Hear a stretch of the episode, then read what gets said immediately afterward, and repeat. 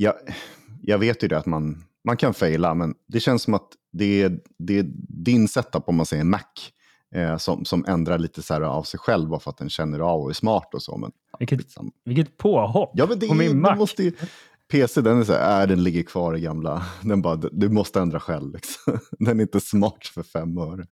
Hej alla lyssnare, vi, vi sitter faktiskt och pratar om det föregående avsnittet då när jag tryckte på rec så drog eh, ja, vår mjukvara här över att min mikrofon var webbkameran istället för min Shure-mikrofon som, som jag sitter och pratar in i. Mm. Eh, och det var därför det föregående avsnittet var av eh, lite sämre kvalitet. Då. Yes. Och ni kom precis in här när Henke sitter och beskyller min eh, Apple-dator. Ja, men, jaha, okej. Okay. Så ja, jag fick, fick liksom börja med negativ ton här i avsnittet. Ja, ja, tack. Ja, jag tycker, det tycker jag är lägligt. För jag tänkte faktiskt säga att den här veckan har varit lite speciell för mig själv. Att jag fått tänka till lite grann på hur jag reagerar på, på vissa saker. Mm. Och jag tror mig, det här är gaming-relaterat till en viss del. Har du sett på YouTube så finns det en, en rätt så omtalad dokumentär om den här gamla YouTubern Boogie. Mm. Boogie 2958 eller något sånt där. 2998 eller något sånt där mysko. Ja, just, har du sett den? Ja, jag, jag, jag, jag, har inte tittat på den. Jag har hängt med i Boogies liv ganska länge och sådär, så jag tröttnar lite på allt drama och sånt. Men ja. ja. jag hänger med vad som har hänt ungefär. Men just den, den var väldigt prisad för att vara bra, men ändå sorglig. Då. Sjukt kortfattat. Han mm. Eh, var ju väldigt tidigt ute på YouTube med en sån här liksom, återkommande show. Mm. Och han satt liksom och, och flabbade framför sin webbkamera och sin mick. Och jag tror att det var en del gaming-relaterat. Jag har inte tittat på det själv så mycket, men han, han är ju så supernörd verkligen. Han blev jättestor och jag tror att han idag har strax över 4 miljoner prenumeranter. Mm. Eh, och han drog in hur mycket pengar som helst. Och hela den här dokumentären handlar om att han har ingenting kvar. Han, han är sådär, jag ska inte fat-shamea, men han är såhär, du vet, Amerika-tjock. Det bara väller ut överallt liksom. Ja, ja det är en, en tra tragisk historia, minst sagt. Ja, men verkligen. Och eh, just det här med att han har förlorat alla, alla sina pengar. Och, men han å andra sidan är väldigt unlikable. En riktigt jäkla stolpskott på vissa sätt. Eh, han hade räknat ut att han hade lagt kanske 200-250 000 dollar på typ eskorter. Oj. Och eh, då tänker man så här att så här, ja, men eh, ja, nu, nu ångrar han väl sig det, eh, att han gjorde det. Vad blir det? så här, 2,5 miljoner kronor på, på diverse eskorter. Han tog dem liksom till Disneyland och bodde på lyxhotell och grejer och sådär. Ja. Ja, nej, istället så var han mer så här att han försvarade. Han bara, men vadå, Var, varför ska inte jag få, få träffa snygga tjejer jag också? Mm. Alltså att han, han var inte så här ångerfull eller. Nej, men det var, det var en av grejerna. Eh, och där satt jag liksom, jag märkte på mig själv och jag bara så här satt och mös nästan åt att det gick åt fanders åt någon människa. Mm -hmm. eh, det, det, det, hängde väl ihop lite grann att han också var, som jag sa, väldigt... Han var svår att gilla som, som person. Ja. Och eh, sen var det ju lite drama. Vi tänkte, men strök det faktiskt i föregående avsnitt, att eh, eh The Escapist, mm. hela det videoteamet på den här stora, eller relativt stora, mediebolaget som, som pratar tv och datorspel. Eh, de har ju en hemsida och sen hade de en, en, en drös YouTube-kanaler också, varav den mest kända är ju Zero Punctation. Hur säger man det? Punctation. Punctation, jaha. Ja. Och ja, det slutade med att någon chefredaktör fick sparken och då lämnade hela videoteamet eh, på, på The Escapist och startade eh, en, en eget företag som heter Jaha. Second Wind. Så där mm. satt jag också liksom och så här småmös åt så här, ja, inte att det, det var ju nästan åt andra hållet då, att jag gillade att det gick bra för de här som, ja, en fick sparken, resten följde med i någon form av sympati, inklusive den här Yatzy då, som är den ja, mest kända på, på den här sidan, som, som gör den här Zero Punctation. Okay, mm. Eh, så där satt jag lite och gottade mig åt att bara ha de här, det här företaget som bakom The Escapist, det går dåligt för dem. Så här. Och sen kom det också i veckan här att, eh, vet du vem The Completionist är? Mm, ja, I, I know. ja, du är insatt i också vad som har hänt där, eller? Ja, hans välgörenhetsgrejer där. Ja. Exakt. Mm. Ja, men där, där också, om jag ska, om jag ska, korta ner det här kortfattat, så är ju han, han, han har en YouTube-kanal och jag har inte sett så mycket av det, men jag tolkar det som att han försöker klara 100% på så många spel som möjligt. Mm. Jag tyckte att han skrev någonstans i någon profil att han ja, över 400 spel har han klarat 100 procent i. Du vet, har jag fem max tror jag. Ja, precis. Eh, han hade ju en släkting som dog tror jag för så här tio år sedan. Och eh, som led av demens och eh, någonting annat, jag minns inte. Men man startade en välgörenhetsstiftelse som heter The Open the Hand Foundation. Mm. Och där har ju de samlat in pengar, inklusive den här profilen The Completionist, eller Gerard som man, som man heter på riktigt. Då. Eh, där har de samlat in pengar och han, han, har ju använt sin, sin fame inom spelvärlden med att ha liksom på Twitch och liknande, dra in pengar. Mm. Och nu kom det ju fram här i veckan, då var det var den här Carl Jobst, han som gör väldigt mycket YouTube-klipp om liksom arkadvärlden och så vidare. Han hade lekt grävande journalistik och liksom beställt ut lite handlingar från, från den här stiftelsen. Då. I och med att det är en sån här icke-kommersiell stiftelse så är, så är vissa av de ekonomiska dokumenten är ju öppna för allmänheten. Mm. Och då ser man att de har samlat in en massa pengar, men de har inte betalat ut en enda dollar, som det ser ut som, till eh, välgörenhet. Däremot så har man lite, och med betoning på ganska lite, utgifter mm. eh, för administration och så vidare. Eh, och jag tror att de har så här, hade så 600 eller 700 000 dollar samlat in under de här eh, tio åren. Med, och haft utgifter på kanske bara så 50 000 dollar. Så att rimligtvis borde det finnas pengar kvar. Men ja, det, det som uppstod då var liksom, jaha, okej, okay, vad har ni gjort? Ni har samlat in pengar. Det ser inte ut som att ni har betalat ut något. Det ser faktiskt inte ut som att ni har scammat någon heller. För vi kan inte se någon betalning till något annat konto. Mm. Och där, där hakade jag på tåget eh, direkt. Liksom. Ah, Okej, okay, den här Gerard. Oh, vilken ful fisk. Och sen märkte jag på mig själv hur jag bara så här, ah, jag, mm. nästan så att jag började, ja, men jag började faktiskt här, läsa kommentarer och så här, ah, vilken jävla scammer.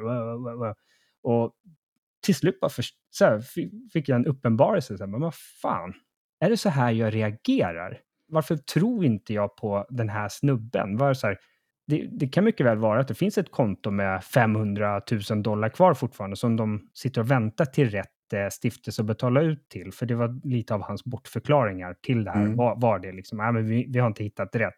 Samtidigt har de under de här tio åren så har de hela tiden sagt att de betalar ut pengar. Så att någonting är jävligt fishy och jag tror att det kom eh, ut lite mer igår då som, som tyder på att det är fishy. Men för jag, jag fick en riktig så här, men hur reagerar jag på nyheter? Har jag blivit en sån där som liksom tar fram en påse popcorn och bara äh, sitter och gottar mig åt liksom an, andras olycka och tror per default det värsta om äh, alla? Mm. Tycker du om drama alltså generellt? Uppenbarligen. Uppenbarligen. Jag har ju så här guilty pleasure. Jag gillar ju att kolla på, vad heter de här MTV-serierna? Vad heter den? Jersey Shore och sånt där. Du vet, när det verkligen blir drama och ja. Men jag trodde att jag ändå hade lite högre standard än så här. Mm. Men vad, hur är du då som, som person Aj, där? Jag är väldigt neutral. Väldigt neutral. Eh, när jag ser någonting på Twitter och på YouTube och sånt så vill jag alltid höra flera åsikter. Jag vill höra flera kommentarer liksom, runt omkring. Jag väntar alltid kanske en vecka innan man liksom har fått all information och sånt där. I alla fall när det gäller sådana seriösa saker som ja, om man inte har läst på kanske bakgrunden eller liksom vad som har hänt. Under, ja, man, hör ju bara det som är aktuellt liksom, och då blir man, ja. man halshugger direkt i, i vanliga fall kanske. Men man har blivit en sån person att man, man är immun mot det där. På något sätt så jag är, jag är en sån här neutral i, i politik också, att man känner ah, så här, okay. jag, jag går inte upp eller ner eller höger eller vänster liksom, förrän jag vet vad jag vill ungefär. Ja, just det. Men det är nog någonting som man, det är nog personligheten själv som man, liksom, man bygger upp, att man, man lyssnar på mycket och sen så kommer åsikten själv lite senare. Och vissa bara vänder kappan efter vinden och du, du kanske är där, om man säger så. Men eh, någon sån här drama i spelvärlden, är det mm. någonting du gått, har gått igång på?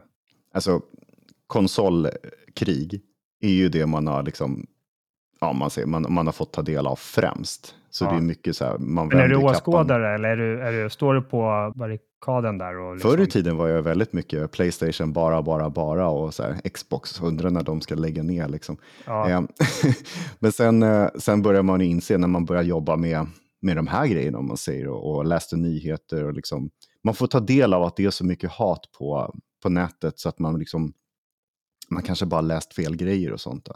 Ja, men, fattar. men mycket är att man, man får inte ha en negativ ton till allting, för då blir det bara tråkigheter och då sitter man där och tänker bara negativt hela tiden. Så här, vad kommer hända den här veckan? Vil, vilken kommer hugga på vem? Liksom? Och, ja, det gäller bara att ha en, en neutral ton kanske i början. För det blir så mycket roligare när man får reda på att det, det var inte som man trodde kanske. Nej. Ja, du skulle bli ambassadör, eh, ambassadör eller diplomat eller något sånt där, hör jag. Mer en sån här... Fredsmäklare. En, en, en, neutral papparoll. Liksom. Ja, ah, men det är lugnt. Vi fixar det här. Det är ingen fara. Ta det lugnt. Ja, jag fattar. Mm.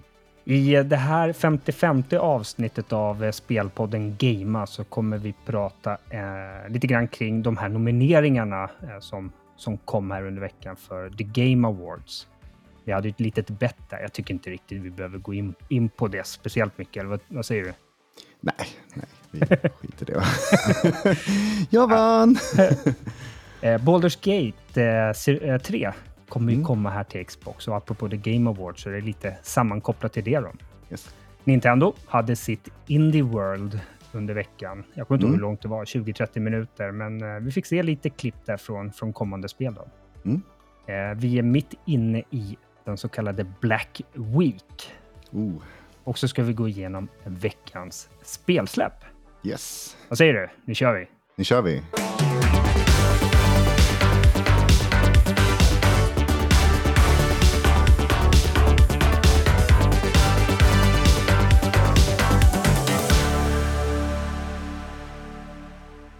Game Awards, det är din stora helg på året nästan. Det är större än julafton och nyårsafton. Ja, även fast man inte får titta på det live då, om man säger Nej. så, mitt i natten. Nej, men du, eh, jag, jag har aldrig träffat en person som hausar The Game Awards li, lika mycket som du gör. Jag tycker alla, alla de här uh, awardshowen och um, när det är just mässor och sånt där, alltså allting som handlar om spel. Jag är så otroligt involverad i att titta på det så fort som möjligt på något sätt. Eh, ja. Jag brinner för att liksom höra om allting först. Och tråkigt nog så är ju inte någonting i Sverige så att man får ju alltid så vrida på dygnet eller någonting sånt. Men Game Awards, det är, det är lite kul att se vem som vinner vad och nomineringar. Det är popularitetstävling då, minst sagt. Det är ingenting som, som kanske stämmer överens med vad jag tycker och tänker om spel och sånt. Men många gånger så får man ju en, ja, man får ju en bild av hur resten av världen tycker och tänker lite grann också. Ja, just det. Uh, The Game Awards den drivs ju av den här Jeff Keely, gamla speljournalisten tror jag. Jag, jag, jag, jag lärde ju känna honom, höll jag på att säga. Jag känner inte honom. Jag såg honom för första gången på Game Trailers, har jag för mig. Mm. Ja, samma här för mig.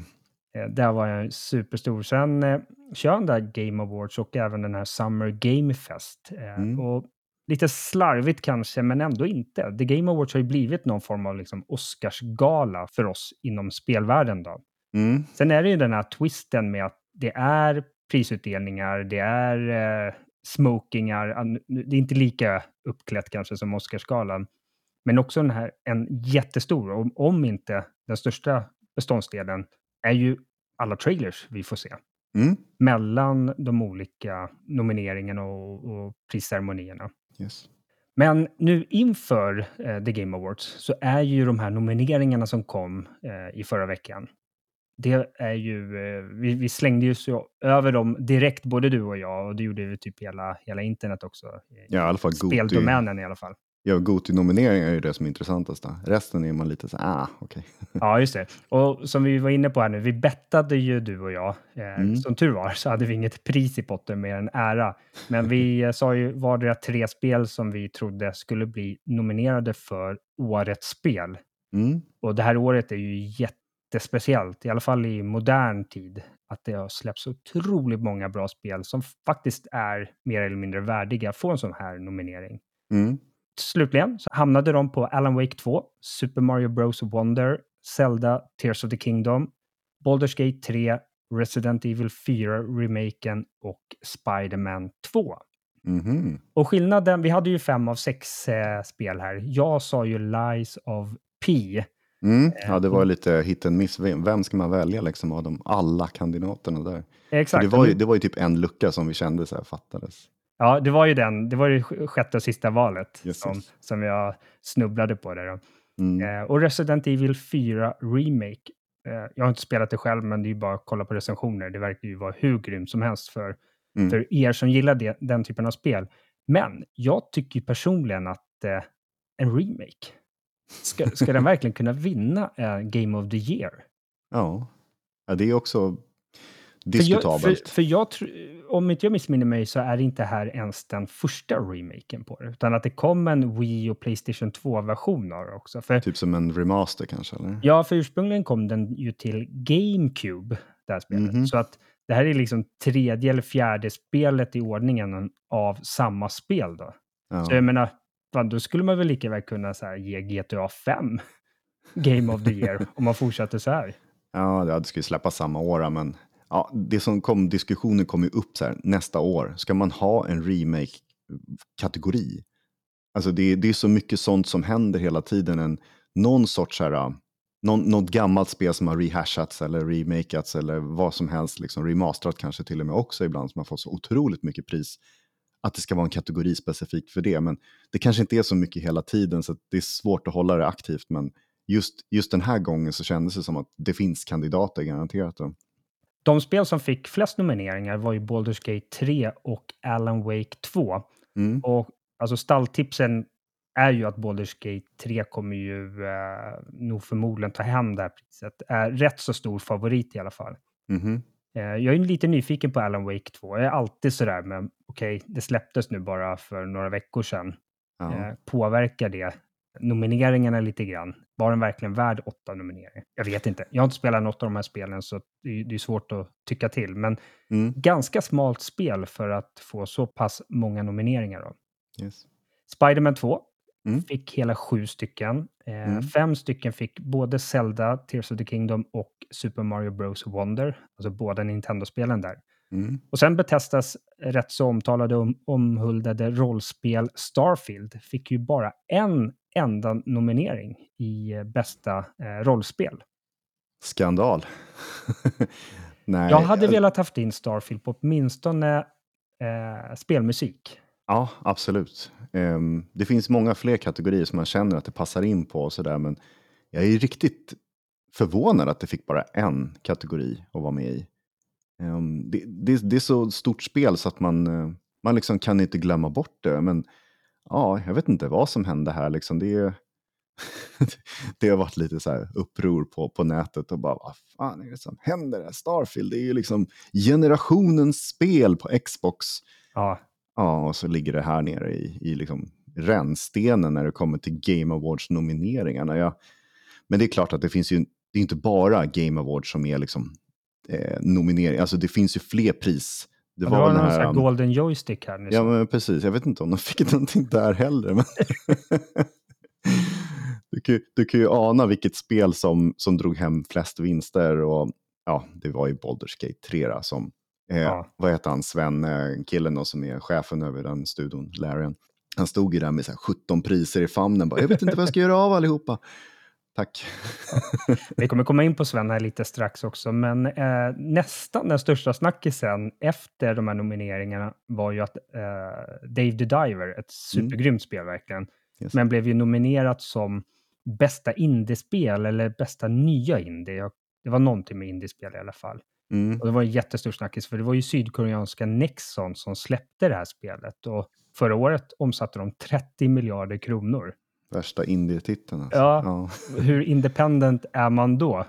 Det, det, är som, det är som typ Playstation skulle göra ett superpixelspel och bara det ser ut som ett indiespel. Ja, men det är ett indiespel, vi lovar. Nej, det, det går ju liksom att sätta estetiken som ett indiespel, men det är ju inte det, är inte det grunden. Så det var väl där det här hamnade som diskussionsämne. Att, ja, det är för mycket budget bakom. Liksom. Ja, Eh, Game Awards hålls den 7 december, så det är ju bara, vad blir det, två, två veckor kvar typ? Eller? Men det är väldigt, väldigt nära inpå ja. ja, ja det är två, två natten mellan torsdag och fredag då. Eh, så Har du tagit ledigt? Sjunde, sjunde till åttonde. Nej, fy fan. så, så ja, jag kommer aldrig få ledigt för en sån grej heller. Kanske så här, jag tar lite sovmorgon, typ så här. Ja. Nej, det funkar inte på mitt jobb så där. Men det är jättekul ändå att hänga med. Om man har till möjlighet att, att, att titta på det live så är det nog en, en stor underhållningsshow. Där. Det brukar ju vara ett par, tre timmar. Liksom. De brukar ju ha lite, lite reklam emellanåt också, så här, men det brukar passa in ganska bra. Och så där. Vi får, ja, Förhoppningsvis så kommer ett musiknummer och det som ja, många har liksom tänkt på ska vara eh, ett pris, eller om man säger nominering där, det är ju Alan Wake 2 har ju eh, ett band som, vad heter de, Gods of Asgard eller något sånt där. De gör ju en, en jättebra låt där som eh, skulle passa in så jävla bra att spela live på, ah. på Game Awards. Och jag, återigen Starfield, jag skulle kanske ha en sån här, en sån här or orkester liksom, som ja, sitter gud, och spelar. Ja, det, det, brukar ju vara ganska mycket sånt ändå. Så att, ja. Game Awards, eh, vad heter det, orkestern brukar ju vara där och liksom kompanjera allting. Så de, de, har säkert en, ett medley och spela igenom alla så här, eh, Game of the Year Awards, alltså alla de spelen får en liten medley. Vad hette Ubisoft kommande piratspel nu? Oh, jag som ser fram emot det av det och mig. Skull and Bones. Skull and Bones, inte. Ja, när, när de, Ubisoft tidigare år hade en, eh, showcase och så pratade om Skull and Bones, då hade de ju, så, kom, såg du det? De hade ju en liten, ett band, alla var så här trubadurer som såg ut från, de var från pirattiden liksom, och så satt de och sjöng någon sån här Ja, just det. Just det. Trallvänlig låt med och drack rom och grejer. Och så ja, Kanske inte hör hemma på de fina salongerna Game Awards. Där. Dricka hör inte hemma på uh, Game Awards. Uh, de hade bytt namn på, den här, uh, på det här stället de ska vara på. Det hette ju mm. Microsoft Theater. Nu kommer jag inte ihåg vad de hette, men det, om det var så här Peacock Theater eller liknande. Ja, just det. Ja. Så, så nom antal nomineringar Microsoft fick, det... Eh, de bara, ni får inte vara hos oss längre. Exakt. Ja. ja. men återigen till Baldur's Gate eh, 3 där då, eh, mm. och The Game Awards. Vad var det vi fick veta här? Eh, ja, för det första, Xbox-lanseringen, den har ju varit ett frågetecken. Och nu gick de ut på Twitter och sa, ja, om ni väntar på något gott, Xbox-fans, eller Xbox-lojala eh, anhängare, så kommer det en, eh, ett datum, om man säger, kommer presenteras på The Game Awards. Då. Och troligtvis en sån här World Premiere med där de berättar. Det som jag vill, det som alla vill, är ju shadow-droppa, att det går att spela. Och framförallt, tänk om det skulle vara så att Xbox bara går in med en stor jävla kassa eh, eh, peng och vi, vi köper in det till Game Pass. Ja. Eh, det hade ju varit eh, sjukt coolt och sådär. Ja, det känns Men, som att de har haussat upp det nu, eller hur? Ja, gud ja. Med den där tweeten, liksom, eh, det kommer komma en World Premiere. Och så kommer du ihåg att det var, eller såg du att det var så här trademark-märke efter World Premiere, som att det var ett varumärke. Ooh, okej. Okay. Ja, ja, det är eh, lite spännande. Ja, men så, precis som du är inne på där, ja, mm. vågar man hoppas på, på ett Game Pass-släpp där då? Då kommer jag spela det i princip på Xbox tidigare än vad jag spelade på Playstation för att det är typ där jag tänkte, för vi fick reda på lite andra saker också. Mm. Eh, på just eh, Baldur's Gate-ämnet och sånt. Och det var den här fysiska eh, edition då, om man säger. Jättemånga vill ju ha det här spelet. Liksom, det har ju bara funnits en digital version och sen så var det typ i, var det i Asien som man kunde beställa en fysisk version tidigare. Då, som, ja, bara som japanska versionen. Ja, precis. Det var lite exklusiv där borta på något sätt. Jag vet inte, det var något annat företag som har släppt ut det. Då.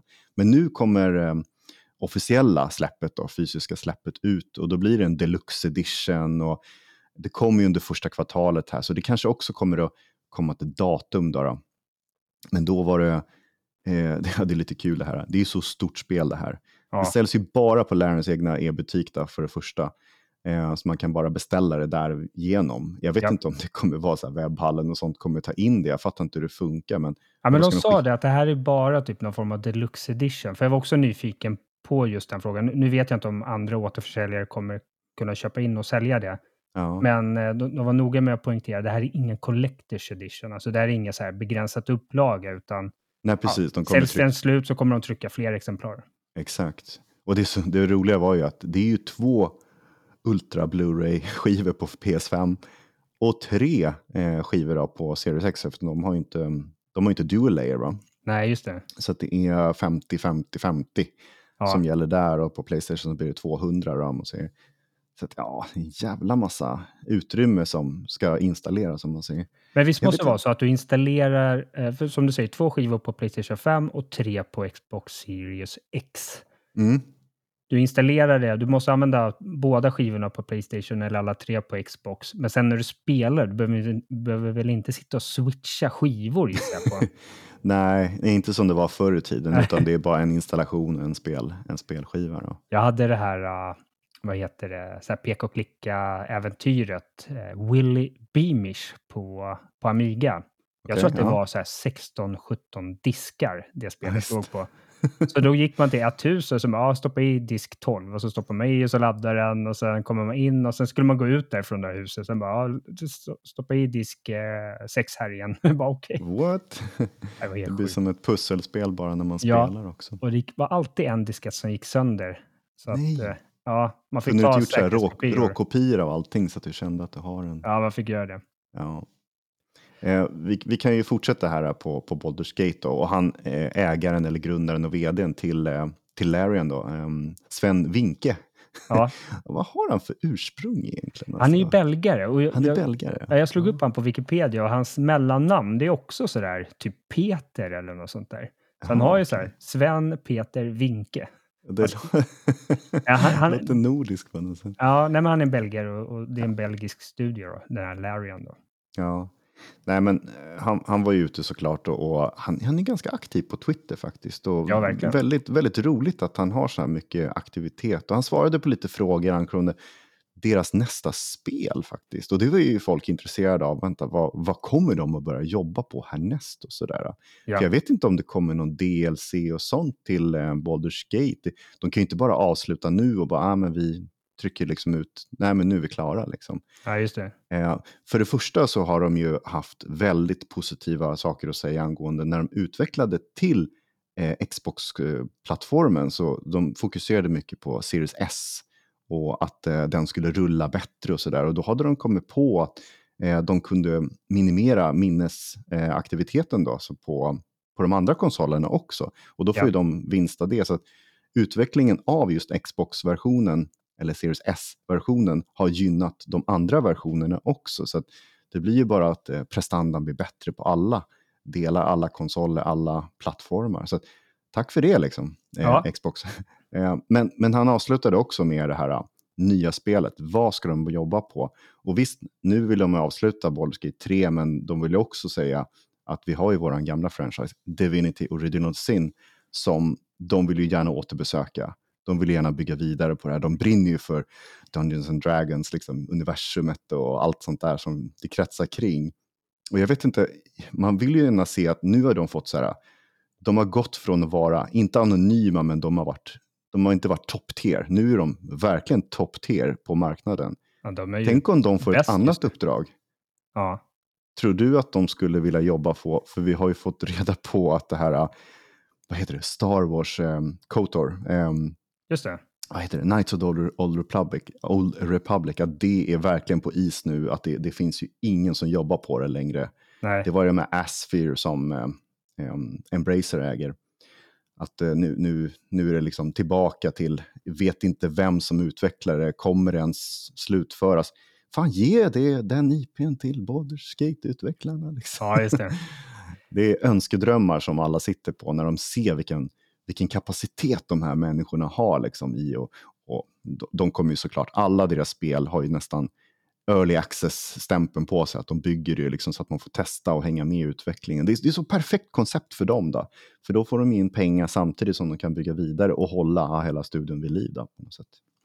Ja, det, jag kan tänka mig det enda liksom, smolket i bägaren för Larian här med mm. Baldur's Gate 3 är ju att det inte är deras IP utan att de har, de har ju gjort det här spelet på licens. Mm. Och sen just att det är, som du är inne på, det är ju på Dungeons uh, and Dragons, deras värld liksom. Mm. Uh, och deras lore. Medan uh, Larians egna spel, Divinity Original Sin, mm.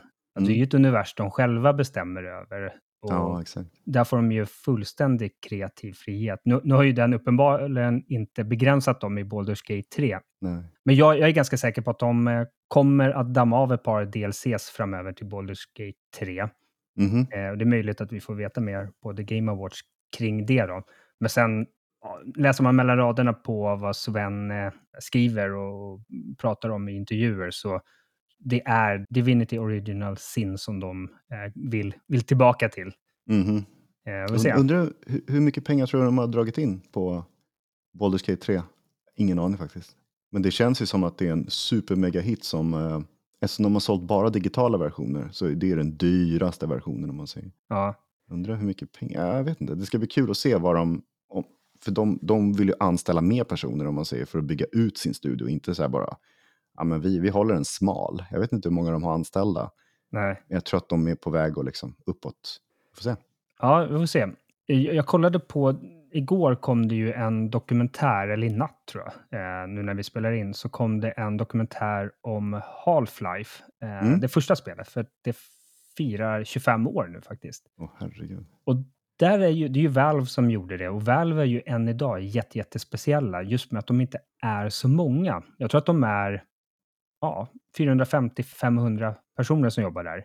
Mm. Och det här är ett företag värt liksom flera hundra miljarder kronor idag. Eh, ja. dels för att de gjorde Half-Life-serien, sen, sen gick de och gjorde eh, Steam då och hela den plattformen. Det är där de tjänar mest pengar på nu. Men där tänker jag att de, eh, Gabe Newell där, den, den här legenden hos Valve, mm. han eh, har ju varit väldigt speciell med, med, med Valve. Att de har till exempel inte chefer där. Visst, man har sina ansvarsområden, men du har inte den här klassiska organisationen där du liksom ja, Gable längst upp och sen har han ett så leadership team och sen har de i sin tur eh, liksom managers för, för olika avdelningar, utan de är mm. chefsfria. Och jag oh. tänker eh, Sven här, eh, jag är inte helt hundra på att eh, det ligger i hans intresse att växa och bli jätte, jättestora, utan de kommer förmodligen gör, ha gjort årets spel här med de resurser de har. Mm. Eh, inte helt hundra på att det är en större studio som som är deras största bekymmer. Utan Nej, det är sant. Det, det är, sant. Det, det är så här, hur toppar man det här supergrymma spelet? Ja, det är nog svårt. Det blir ja. nog inte en så här uh, hit efter hit, utan det kommer nog... Det går nog i vågor för, för många studios, som sagt. Jag är lite nyfiken. Vi, vi kommer in här nu på att eh, vi, vi, är mitt inne i Black Week. Och mm. Baldur's Gate 3, ja, jag sneglar lite grann och ser om det kommer någon deal där, men jag har faktiskt svårt att se att det blir en jätte, jättestor rabatt på det. Mm. Men om vi börjar med, har du, uh, har du uh, inhandlat något själv hittills?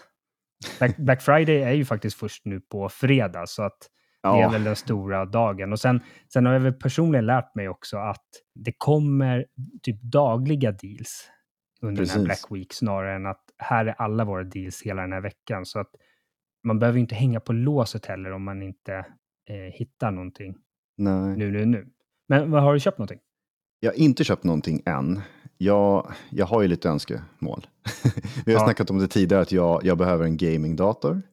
Ah. Ja, nu är det lite rabatter där på webbhallen. Jag har kollat in de här config-varianterna och sånt. Där. Ehm, det är ju en stor investering, absolut. Det är ju liksom 25 pappstilen om man ska ligga på de här jättepaketen och sånt. Där. Det finns ju ännu värre såklart. Men, Just det. Eh, man, man tvekar ju lite och, och känner så här, jag behöver nästan prata med dig angående tips och tricks och sånt. Där.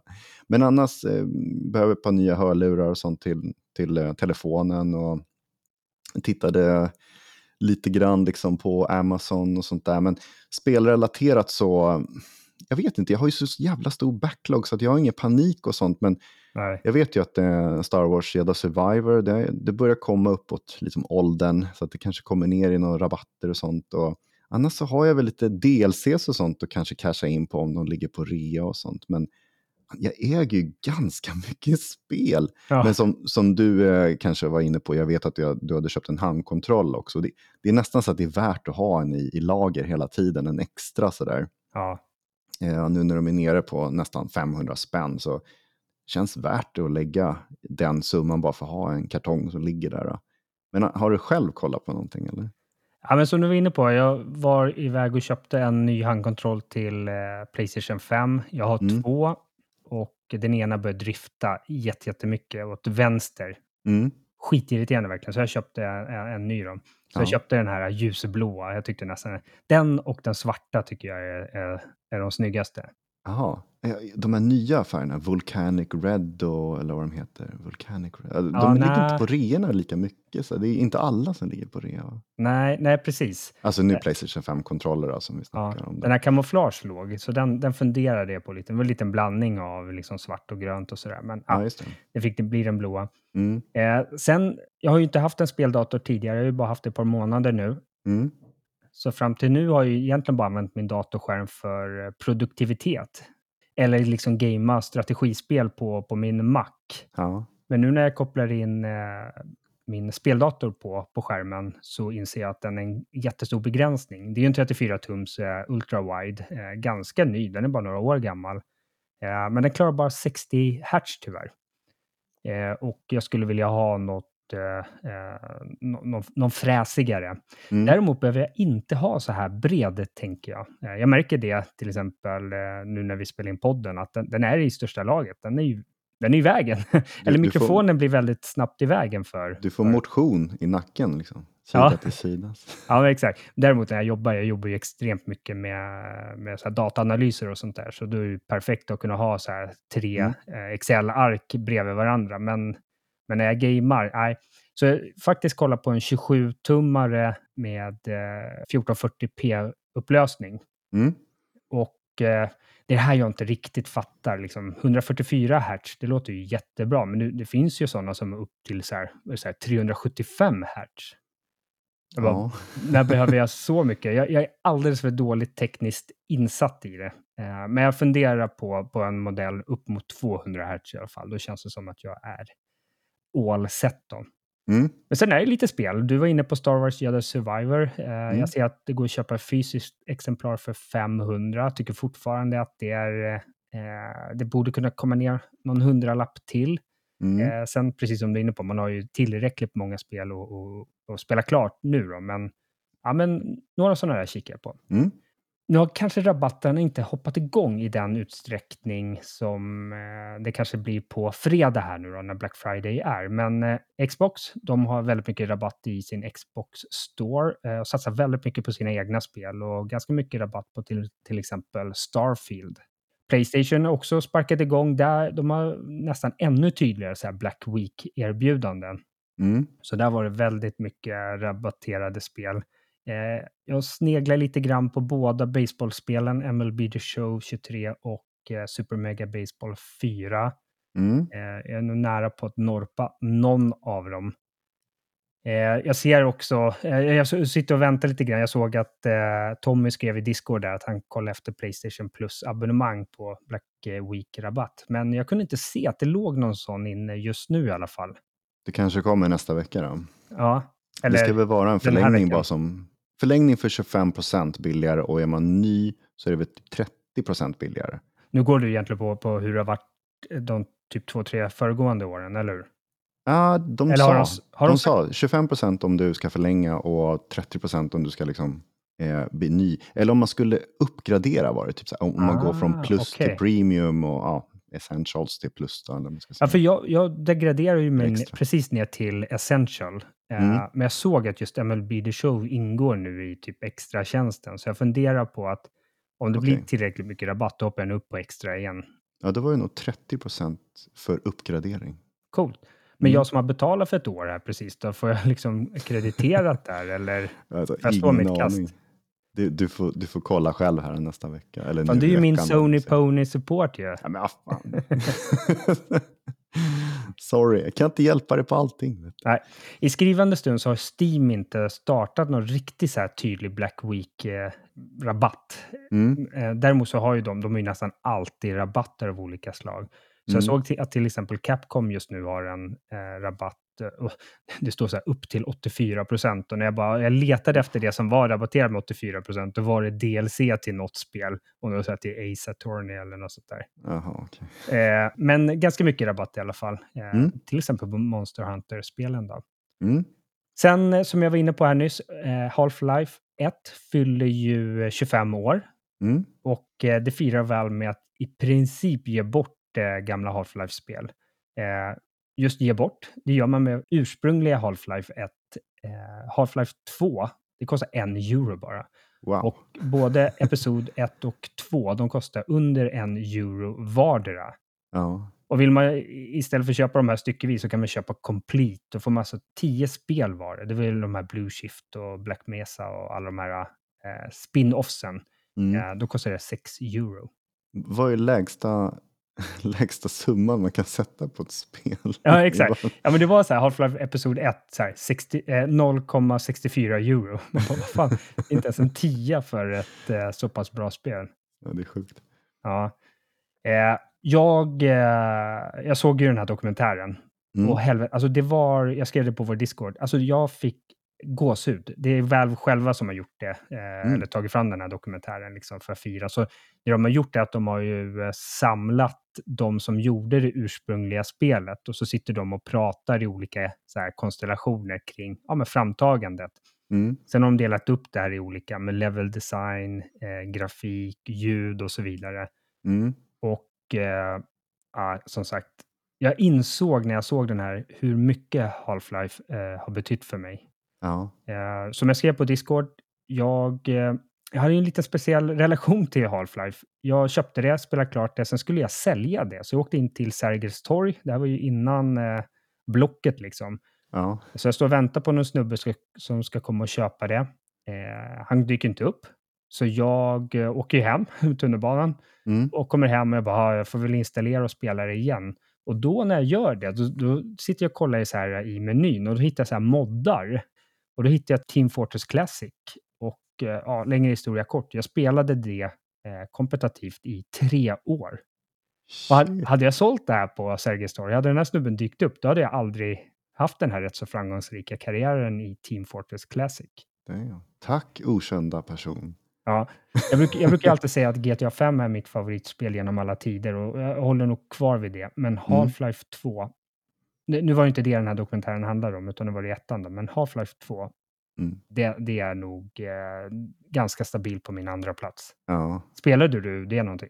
Jag, jag spelade, absolut. Ja. Ehm, Det är därför man var så otroligt sugen på om det skulle komma över den här uh, VR-versionen Half-Life Alyx till eh, Playstation, alltså VR 2. För att liksom leva vidare i Half-Life-världen i en lite nyare begrepp då. Ja, Ehm, Men nej. Vi får, får leva på de här gamla grejerna, i alla fall vi då, som inte har de här nya VR-headseten från, från andra ställen. Då. ja just det. Epic hade inte heller startat någon riktig Black Week-kampanj på deras eh, store, eh, men Mm. de hade ett par sköna rabatter där, bland annat 66% rabatt på Final Fantasy 7-remaken. Mm. Det är jävligt bra pris på den. Yes. Eh, Assassin's Creed Mirage nästan halva priset på det och samma med The Crew. Så att jag tror det lönar sig lite grann att eh, kolla runt vart de här olika rabatterna finns någonstans. Ja. Man får prisjakta på, på eget sätt liksom. Eh, Det, det, är nästan li, det är lite för mycket tycker jag att hålla koll på alla de här ställena. Och går man in i Playstation Store eller Xbox Store och sånt där, alltså det är så mycket spel att bläddra igenom så man har ingen koll på vad som man är sugen på. Liksom. Det, Nej, det blir lite som att det är ett smörgåsbord som är liksom ett helt rum. eller? Man, man kan inte välja, man bara, nej jag orkar inte. Jag hinner inte gå igenom allting. Lite på samma tema så hoppar vi över till Nintendo Indie World här, mm, som gick i veckan. Eh, det här, och som sagt, jag kommer inte ihåg vad den landade på. 20, jag gissar på 25-30 minuter. Eh, Mm. Där Nintendo visade indiespel, alltså det vill säga lite mindre spel då. yes. Eh, de visade 12 stycken spel lite mer ingående. Eh, Mm. Sen avslutade de faktiskt med ett, ett svep med sex andra spel som skulle komma. Bland annat ett var den här Braid Anniversary. Ja, just det. Mm, Jag kommer ihåg att jag tyckte det var väldigt fyndigt när det, när det kom, det spelet. mm, Eh, men lite som du är inne på, det är alldeles för mycket spel egentligen. Och, och jag inser att indie för mig är lite sådär, jag har någon hatkärlek till det. För jag gillar indie, men jag gillar inte när indiespel blir eh, så här, typ kulturprojekt. Att det är liksom, det är någon som bara, men jag gillar, jag gillar att cykla i skogen. Ja, men jag bygg, gör ett spel där man cyklar i skogen. Det är bara en upplevelse. Nej, Ja. den typen av indie gillar jag inte. Men däremot gillar jag till exempel om ett spel som Dredge. Eh, Mm. indie för att det är en liten studio. Eh, det är väldigt mycket hjärta och själ i det, men också otroligt mycket liksom, typiska spelmoment i det. Ibland kanske en twist, men, men det är ett riktigt spel. Mm. Så det, det, är min, stor, min, min, stora avvägning med indie just där. Liksom. Jag gillar inte när det blir för, liksom, ja, här, allt för mycket fria händer. Utan, ja. Utan lite ordning och reda vill jag ändå ha i dem. Ja, precis, precis. De spel som fastnar, du, du sa det här till mig här att eh, du, du tittade knappt på det. Eh, så att du bara, du, du får dra det. Jag bara, ah, okej. Okay.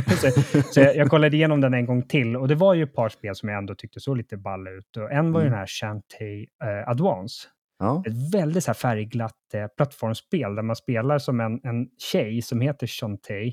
Hon mm. är, är half genie. Och det mm. innebär att hon till hälften är människa och till hälften, om du vet, sån här ande, ande i flaskan. Det är så Aladdin, eh, vad heter han den där? Ja, anden, heter han inte det? Anden, jag vet inte vad han heter. Han, Robin Williams var det som spelade hans Aha. Okay. yes. Robin Williams? Robin Rob Williams. Ah, just det, han som tyvärr gick bort. Gick bort mm. Ja, ah, okej. Okay. Uh, jag lyssnade nog på de svenska, så det, det var nog inte han. Jaha, du var en sån, okej. Okay. Eh, det här Shantae Advance, det är det sjätte spelet i serien, men skulle faktiskt ha varit det andra spelet i serien. Mm -hmm. Det skulle släppas 2004 eh, till Game Boy Advance, men jag, läste någonting om att de, de hade inte fixat en publisher för det, så det hamnar i någon form av dvala nu. Då. Mm. Eh, nu, kommer det komma, nu kommer det släppas då till Switch, Playstation 4 och 5 och till PC. Då. Men faktiskt också lite överraskande nog just till Game Boy Advance. Boom. inte det lite, det är som att släppa en vinylskiva nästan idag, eller hur? många är det som spelar på Game Boy Advance? Nej, jag kan ju säga direkt att folk kommer ju använda de här äh, emulatorer, det finns ju sådana bärbara vad, det, vad heter de? Det finns jättemånga olika, men ja, det finns ju vissa som är så favoriter som, man, som tar emot cartridges, cartridge, ja, cartridge vad heter eh, kassetter. Då. Så det är väl där äh, den stora publiken kommer in och tar, tar del av det här, om man säger så. Ja, Eh, nästa spel, Core Keeper. Mm. Eh, det var så här Stardew Valley-liknande spel. Det är så här, den här typiska gamla Zelda-vyn. Man ser det så här uppifrån. Det här tittar jag på faktiskt. Ja, och du såg det att man ska plantera mm. och samla resurser och så vidare. Men det jag tyckte skilde ganska mycket från Stardew Valley var att det var väldigt mycket mer betoning på, på de här fighterna, striderna. Ja, ja precis. Eh, och just att du har multiplayer-läge med upp till, till åtta spelare. Mm.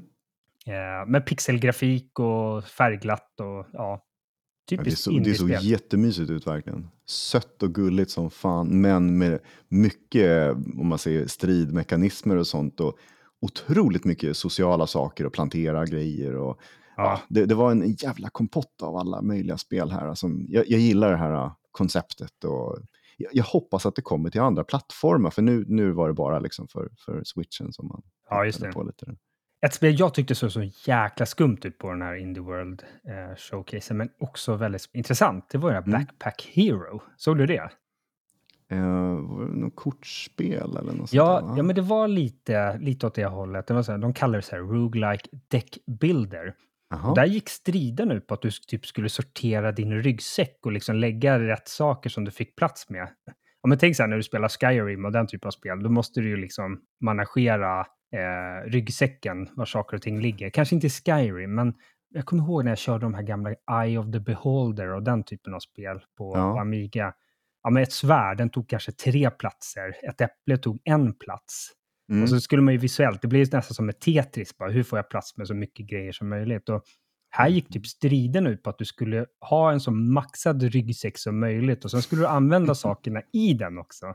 Mm. Ja, lite speciellt. Mm. Eh, Outer Wild, eller Outer Wilds, vad heter det? Wilds. Wilds, Wilds ja precis. Ja, det kom ju 2019 till typ alla andra plattformar, dock inte till Switch. Men eh, det visades upp och eh, ja, blev lite bass kring det då. Men mm. ja, fyra år senare, tror du tror du kommer sälja guld där direkt? Jag tror, eh, det är det här som är den generella, liksom, det pendeln slår mot Switch, att de har så jävla mycket spel att ta igen från gamla om man säger generationerna eller flera år tillbaka, det går ju att, att få över spel som har varit stora hittar och det är egentligen bara en tidsfråga.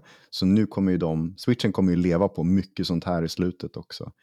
Eh, Indie-titlar och eh, gamla titlar som, eh, som vi redan har spelat om man säger, men de som spelar på Switch de får ta del av det här också. Grattis liksom, det är ett ja, jättecoolt spelkoncept. Eh, om vi hoppar över från Nintendo Indie World så mm. Dragons Dogma, var du taggad för den? Uppföljaren här, Dragons Dogma 2 från Capcom? Ja, jag har ju visat ett starkt intresse för det här spelet just för att det är så companion, eh, om man säger anpassat. Eh, det är mycket, man bygger liksom en trupp med spelare ungefär. Um, och nu var det ju lite så här rykten om att ah, de ska ha ett showcase där de ska visa upp um, eh, vad ska man säga, 15 minuter lång trailer om spelet då, mera, den 28 november. Och i samma veva där så råkade ju saker som inte ska hända. Då. Europeiska PEGI, de råkade avslöja releasedatumet som de råkade skriva lite för mycket antar jag. Så att, eh, ja. nu ryktas det om 22 mars nästa år. Då. Just det. Och det tycker jag är riktigt tråkigt att höra, för nu blir det ju också ganska eh, man säger, vi hade det här ryktet om, eller de ville få ut ett spel innan 31 mars som skulle sälja miljoner. Och jag bara, ah, det är Monster Hunter, det är Monster Hunter, det måste vara liksom, det, det klaffar in så bra. Ah, nu känns det, det som att det är det här jävla spelet. Alltså. Det var där dina det... tårar kom, kom jag, in. Jag bara, ripp, ripp, fan också. jag ville ju att uh, det här skulle släppas innan såklart, så att, så att Monster Hunter skulle ha sin glans där precis i, i um, slutet av mars. Då. Ja. Men det här är ju i alla fall ett action-RPG-spel eh, från Capcom som det, det, det, känns ju som att vi, vi har inte spelat ettan på samma sätt som man kanske man ville. Jag, jag var inte inne på den genren innan. Nej. Um, det kommer ju faktiskt, eh, vi kommer prata om det lite senare, men den här föregångaren den kom ju 2012 så det är ju ganska lång tid sedan vi fick en, en uppföljare om man säger, eller nu kommer uppföljaren. Och jag hoppas verkligen att de håller det här uh, showcases intressant, att de visar upp det bästa. För ibland så kan det bli mycket så här, jag vill inte se de tråkiga sakerna, jag vill se, jag vill se häftiga liksom, scener, jag vill se häftiga saker som man kan göra i det här spelet. För det är nog många som inte kommer ihåg hur bra det här verkligen var och hur revolutionerande det verkligen var på den tiden. Um, så det, det, blir spännande. 28 november i alla fall har de sin showcase. Då. Ja, spännande. Mm. Ett spel som kommer lite närmare i tiden är ju Avatar, vad hette det nu? Frontiers of Pandora, eller? Yes, precis. Ja, fick jag till det? Mm. Ja, Duktig pojke. Eh, det görs ju av det svenska Massive där nere i Malmö då. Och mm. eh, spelet kom ju den 7 december, så det är ju, det är ju alldeles strax här. Det är ju Avatar i Far Cry-miljö, eller? Mm. Något ja, åt det hållet. Yes. Nu fick vi veta att eh, Season Pass, eh, den kommer innehålla två stycken Story Packs. Mm. Eh, den ena heter The Skybreaker eh, och kommer komma nästa sommar. Mm. Sen, ja, gissa på ett par månader senare, då kommer den andra storypacken. Den kallar de The Secrets of the Spires. Okay. Eh, den kommer hösten 2024 alltså. Sen var det någon eh, speciell quest också som heter Familiar Echoes. Hur säger man det där? Echoes? Oj, ingen aning. Nej, eh, och sen givetvis en massa kosmetika då. Mm. Men eh, det här var ju inte helt otippat att eh, det kommer komma DLCs framöver till, till Avatar. Ja, det här är ju Ubisofts signum. På något ja. sätt. Släpp ett huvudspel och sen bara släpp, alltså de är nästan, jag höll på att säga bäst eller värst, jag vet inte vad jag ska, jag ska uttrycka det, men nästan de som gör det allra, allra mest. Du, du kommer ihåg hur det var i Valhalla, där de hade liksom som en store där det roterades runt Just det. kosmetika och det var liksom veckans grejer, daily, jag vet inte. Det finns jättemycket att köpa i utstyrslar och sånt och du kan säkert... Då, ja, var inte de du... som införde det här med typ time saver? Att oh, eh, nej, du kunde köpa, jo, men för mig var det inte till Valhalla, eh, Assassin's Creed Valhalla, där du, ja men du samlar ju XP för att levla upp och då kunde mm. du köpa för riktiga pengar då, en, det de kallar för time saver, det vill säga att du får mer XP, kanske säga dubbel XP, jag minns inte hur det var. Jag är inte förvånad. Jag har inte tittat på sådana där saker. Jag brukar inte gå in i storyn överhuvudtaget i sådana där spel. Och, um, nej, det, det, intresserar mig inte. Men, men just um, det här um, Avatar-spelet. Jag är faktiskt väldigt, jag är sugen på det, absolut. Ja. Och, och, man kan ju spela co-op, två player, hela storyn. Så det är, det är också någonting som talar för att många som kommer kanske gå in med en kompis och så. Nu, Men, eh, nu får du försöka fiska en vän då och spela med. Ja, du vill inte spela med mig. Nej, jag, jag, är lite, jag är lite sval till det här spelet, men, men fan en, en eh, kul co-op-upplevelse, det tackar man ju inte nej till. Nej, Ehm, jag har lyssnat på mycket människor som har fått provspela och varit iväg och provspela. Till och med nu i, i, i veckan och så har man ju lyssnat på folk som har fått rest ehm, och, och, och testat eh, de här bilderna då, som de har varit som preview-bilds och sånt. Och det är ju stort fokus på det, det är jättesnyggt spel det här. Det är världen lever och om man är avatarmänniska och tycker om filmerna så man kommer ju dö av det här bara för att det är så snyggt. Alltså det är anpassat för ja, ögongodis. Och sen ja. eh, också det här uh, gameplayen, alltså det är fruktansvärt mycket som händer och man kan, man kan ta sig an, lite som med Far Cry då som sagt, då. vi har ju sagt att det, det är ett Far Cry med avatar-skal på det. Eh, man kan ta sig an baser och gameplayen på olika sätt och ljudet var fascinerande, det var så mycket som hände runt omkring som man kan liksom lyssna på och sådär. Ja. Eh, men också handkontrollen, de har ju spelat på DualSense eh, och fått ta del av vad den kan erbjuda och den är ju väldigt interaktiv om man säger med känsel och ryck och sånt där. Så det här kommer bli ett eh, coolt spel som är en eh, rolig upplevelse och de har jobbat på det här länge, länge, länge. Så det är inte något slafsigt, liksom de har bara lappat ihop sådär. Men det, det kommer bli en, eh, en hit eller miss, för folk är ju sådär, Ubisoft, vad fan håller de på med? Det ser ut ja. som Far Cry, liksom 6,5 ungefär med avatarkläder på sig. Um, jag tror att det kommer bli en, en titel som kanske växer med tiden. Sen vet man inte om, om folk går igång på det här. Det är ju lite fel tillfälle att släppa för marknaden, men för oss konsumenter så känns det som att här, det är nu man vill ha mer släpp. December är ganska dött, eller hur? Ja, men det är ju det. Eh, deras fördel är ju att det kommer när det kommer. Jag tänker på, jag tror att du var inne på det nu, de här previewsen som, som mm. folk har fått spela. Det är ingen som säger det här, oh, wow, det här är en 10 av 10 spel, utan det är snarare lite som du är inne på, så här, ja, okej, lite försiktigt. Det är ingen som har betygsatt det, men man får ju den här känslan av så här, 6 av 10 eller 7 av 10 i betyg. Mm. Eh, kommer säkert få någon så här, 8, eventuellt någon 9, men ja. Mm. Vi får se. Ja. Eh, hoppas att den här co-op-upplevelsen kan, kan eh, vara, vara värt att kika in då. Eh, ja, absolut. Att, det skulle kunna vara aktuellt. Kör, kör igenom den där singel själv? Nej, det tror jag inte. Mm.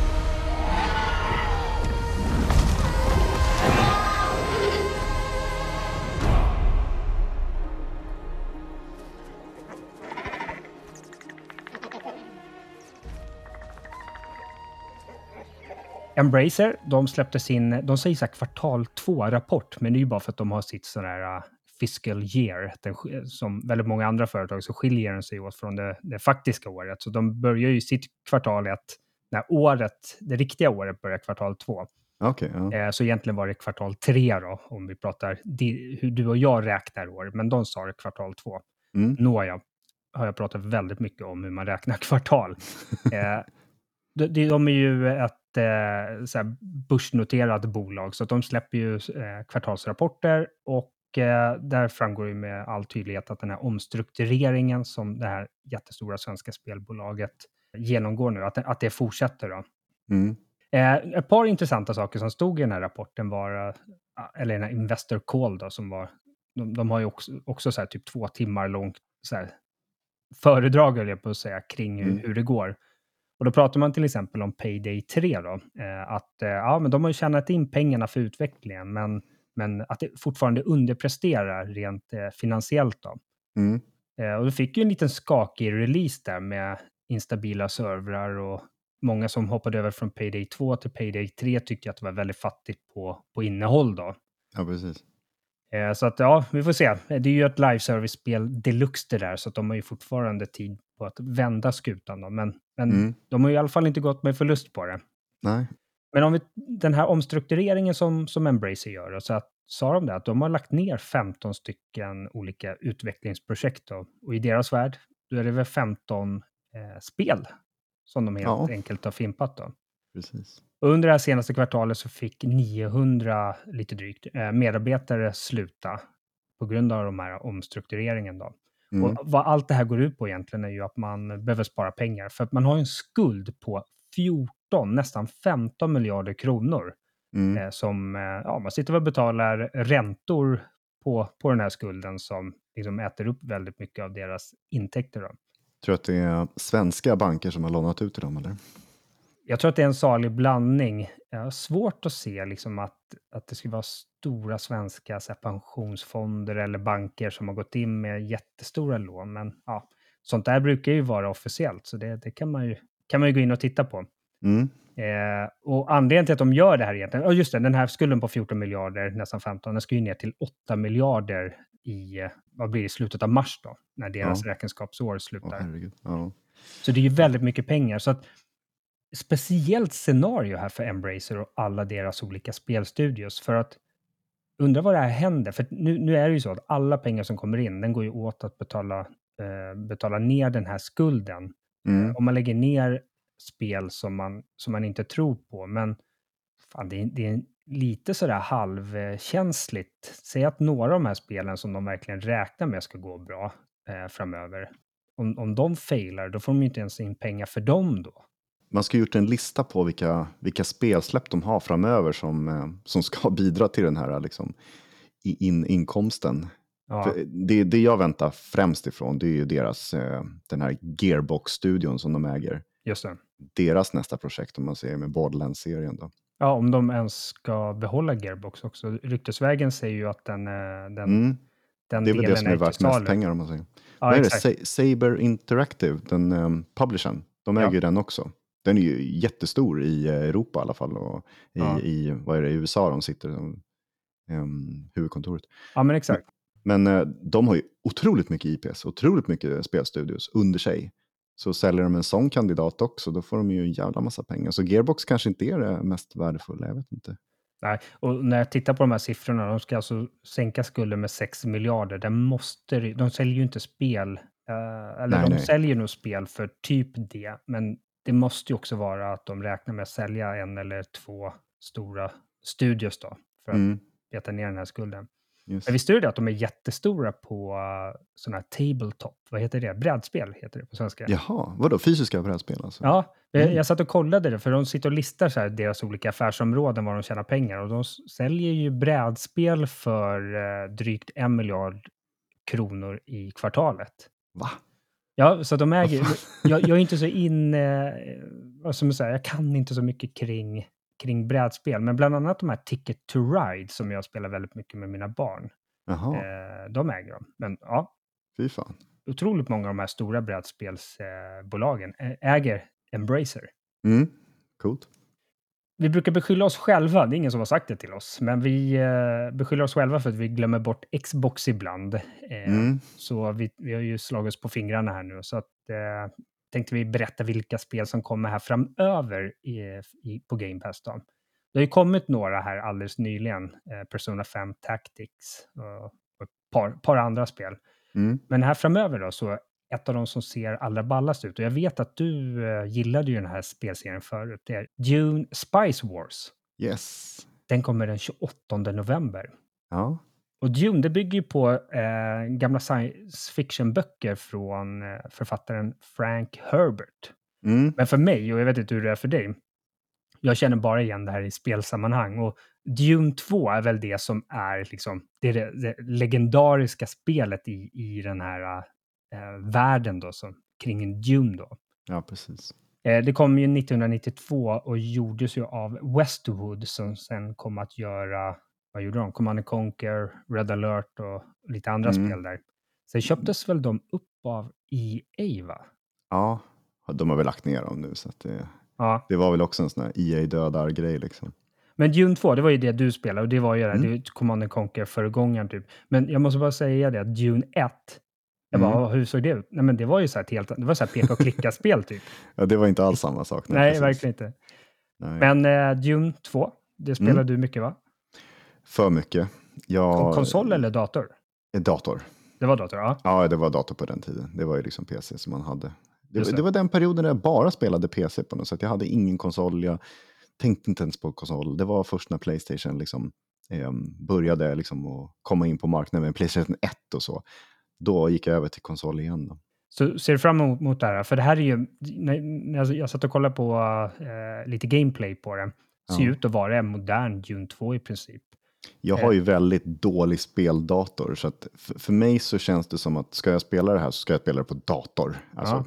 Men du har ju inte- själv eh, tagit gift här på att du kommer köpa en ny speldator på Ja, Black nu, Week. peppa peppa liksom. Du får, du får hjälpa mig.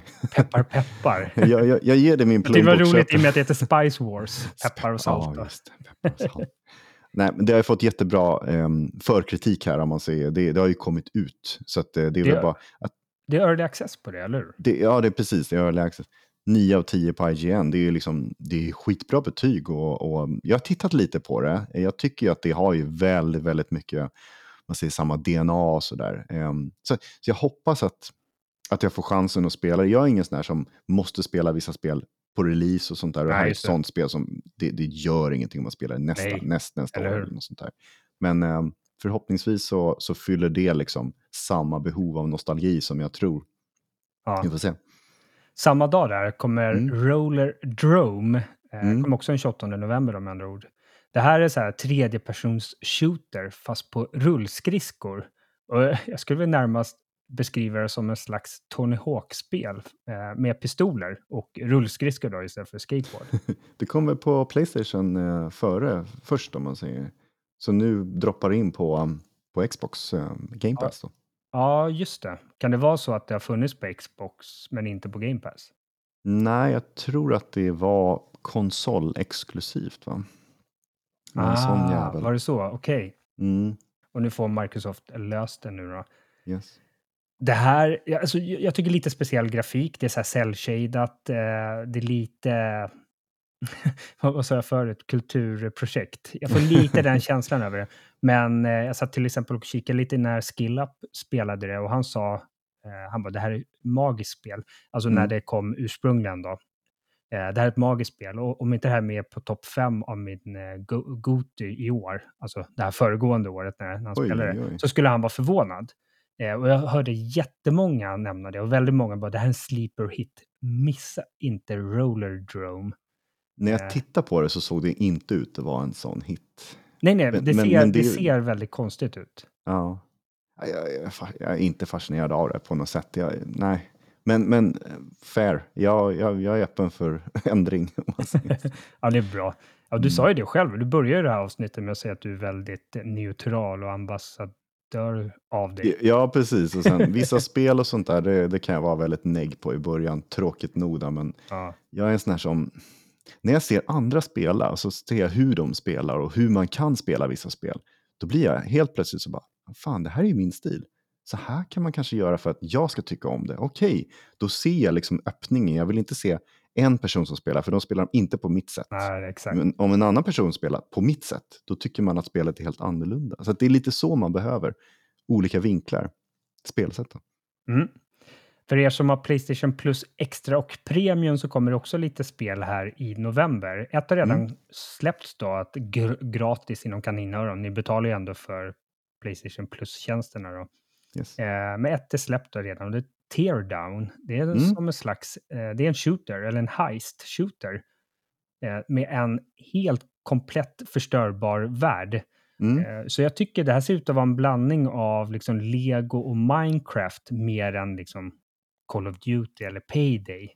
Vad är det det heter när det är så här, ah, det är mycket mindre block? Ja, det är så här molekyler mer liksom. Jag kommer inte heller ihåg. Det finns något speciellt ord som, ja. Någonting med bricks eller, jag, jag, jag förstår vad du, vad du menar, jag kommer inte ihåg mm. det. Men eh, ser skitintressant ut verkligen och det, det är ju släppt sedan tidigare. Ja. Eh, jag vet att folk gillar det. Eh, mm. Dock inte hunnit testa det själv. Nej. Men det kommer på plus extra och eh, plus premium på Playstation då. Mm. Eh, sen har vi en händelse, Dragons Dogma, Dark yes. Horizon. Det är ju det här spelet som kom 2012 då. Ja. Eh, hade, hade, du spelat det eller? Nej, jag hade inte det. Och det, det, är det som känns att nu får man ta del av eh, det gamla och kanske, det är klart att de, de passar på liksom att visa upp det här innan det nya kommer. Eh, så folk får ta del av liksom hypen. Och nu om man tänker så att det kommer ju den här showcasen så att folk får liksom, precis efter det så kommer showcasen och visar ja. upp det nya på något sätt. Få upp intresset liksom. Jag är faktiskt sugen på att testa, även fast det är liksom ett jättegammalt spel med många år på nacken. Det är ingen så här remasterversion eller det finns nog ingen 60 FPS-patch och sånt där, utan det här mm. är, det är oldie, men goldie. Ja, kul. Dead Island Definitive Edition mm. kommer också och sen Mobile Suit Gundam Extreme versus Maxi Boost On. Var det de du valde ut att showcasea här i, i textform? ja, det kom ju andra spel också, men det, var, det här var väl de, de största spelen, kanske mest ja. populära. Då. Yes. Witcher 3, mm. den här nyheten var lite... Eh, vi går över till en annan nyhet. Witcher 3 ligger inte på Playstation Plus Premium eh, eller extra. Däremot så kom det nyhet här i veckan om att modverktyg eh, officiellt nu kommer till Witcher 3. Mm. Och det var ju CD Projekt Red, då, tillverkaren, som sa att det här kommer komma gratis nu under 2024. Mm. Jag blev lite så här fundersam bara, men dels är det ett gammalt spel, relativt gammalt. Eh, sen bara, tusan har jag sett det moddat någonstans. Men nyheten är väl att det är officiellt stöd för det nu, eller?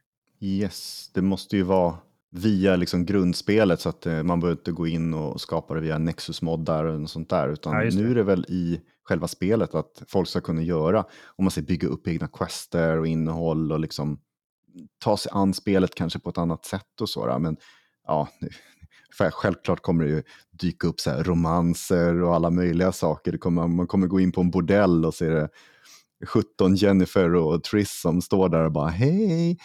Eh, okay. det, det, här kommer Är det önsketänkande eller eh, alltså, varför hade du det top of mind för?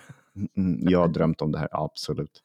um, jag kommer vara inne och, skapa min egna uh, romantiska quester här. Um, nej, men det är ju ett, ett, fascinerande spel med otroligt mycket innehåll. Alltså grundspelet har ju tog över 100 timmar för mig att klara igenom. Så att om man säger så här, att de skapar det här så man kan kunna skapa egna eh, quester och eget innehåll, det gör ju bara världen oändlig. Alltså det här är som när Starfield säger, ja ah, men du kan, eh, vi, vi kommer implementera modverktyg. Ja, visst, det kommer bli samma sak där, det kommer bli oändligt spel. Folk kommer ju spela quester och massa saker liksom i tio års tid framöver. Liksom. Det är ja. ett, ett, så pass bra spel det här, uh, The Witcher 3. Då. Ja. Så vi får se hur länge det lever vidare, men det här är ju för ett sätt att, att hålla den franchisen aktuell och eh, så att det inte glöms bort inför The Witcher 4 som är under utveckling. Då. Ja, just det. Det, mm. det. det, var lite det jag satt och funderade på själv. Men gammalt spel, visst en trogen spelarskara och så vidare, men varför kommer den 2024? Och just att den, det verkar vara så kraftfullt där med att du kommer kunna uppdatera befintliga quester, mm. eh, men också göra dina egna. Jäkligt kraftfullt verktyg för, för så pass gammalt spel. Eh, men som du säger, det är väl för att hålla uppe någon bust kring ett framtida Witcher 4 då. Yes. Du skickade ju till mig bara, ah, det kommer ett nytt Forza-spel. Jag bara, va, va, vadå? eh, Forza Custom, så jag googlade på det. Eh, det här är alltså Forza, typ Motorsport kan man säga, fast ändå mm. inte. Det är mer själva brandet i Candy Crush-skrud. och jag drog ner det igår kväll och tänkte, vad fan, jag får ju testa det här. Och Ja, ja. Det, det det går ut på, det är som, det är som Candy, Crush. Candy Crush. Jag ja. kommer inte ihåg vad de kallar det, det är någon sån här freeway puzzle eller något sånt där. Men du vet, man ska dra saker så att det blir tre i rad, eller fyra i rad, eller fem i rad. Men, ja, precis. Massa färger då, som ska matchas in då. Exakt, och sen ska du klara det här på eh, x antal moves för att kunna mm. klara nivån då. Och i det här spelet så gör du det så får du bildelar till, till den bilen då som du ska renovera. jag, jag låg i sängen faktiskt och spelade en timme och alltså själva spelmomentet, skitkul, absolut. Men sen, det jag låg och väntade på när jag satt och spelade är så här, när kommer jag till väggen? Mm. När, för nu, de här första 15 levlarna som jag spelade, då spelade jag en level och så fick jag till, tillräckligt mycket credits för att köpa ett nytt avgasrör som, som var typ nästa grej jag skulle göra på min bil. Ja. Men jag bara sitter och väntar på, jag kom aldrig dit faktiskt, till att säga nej, åh, nej men synd du, du har inte tillräckligt med credits för att köpa mm. de här vindrutetorkarna. Men du, här har vi en butik som du kan köpa i. Det finns en butik, jag var inne i den och du vet, när man ser så här, och du kan köpa 30 000 credits för 595 kronor. Mm. Alltså nej. Jag kommer inte, uh, nu, nu har jag testat det, men jag, jag, tänkte att jag skulle köra till den här klassiska väggen, liksom där ja, men du måste betala i princip för att komma vidare. Bara, nej, men, ja. ja, jag lägger ner redan innan den. Men eh, du, tack för den timmen. Eh, ja, den, den försvann fort.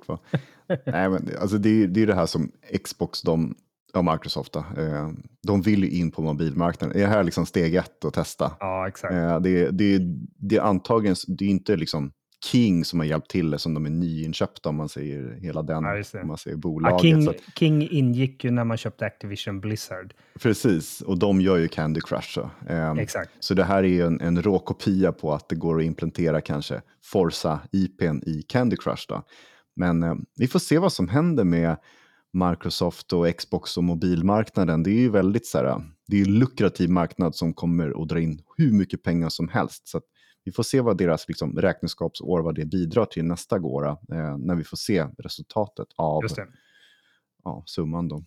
Ja, eh, ett eh, roligare spel att se fram emot är ju The Last of Us 2 Remaster. Mm. Vad har du att berätta om det? Ja, det var ju i, det har ju gått rykten om det här länge, att de ska göra en remaster av eh, Last of Us 2. Och det, folk har ju blivit lite så här, va?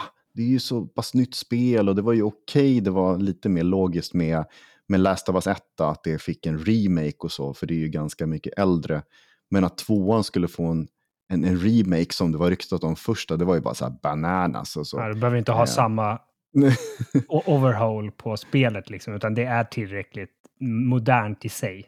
Ja, gud ja. ja. Det är ju 2020 så att du får tänka, det är ju inte så många år, men det är precis att det liksom skalade över från PS4, alltså det släpptes ju där, och sen fick du ju såklart en, en PS5-patch, så 60 FPS och ja, nå någonting sånt som liksom hjälpte det över till nästa generation, men det har fortfarande saknats liksom den här äh, PS5 liksom, upplevelsen och sånt. Då. Och nu får den ju det.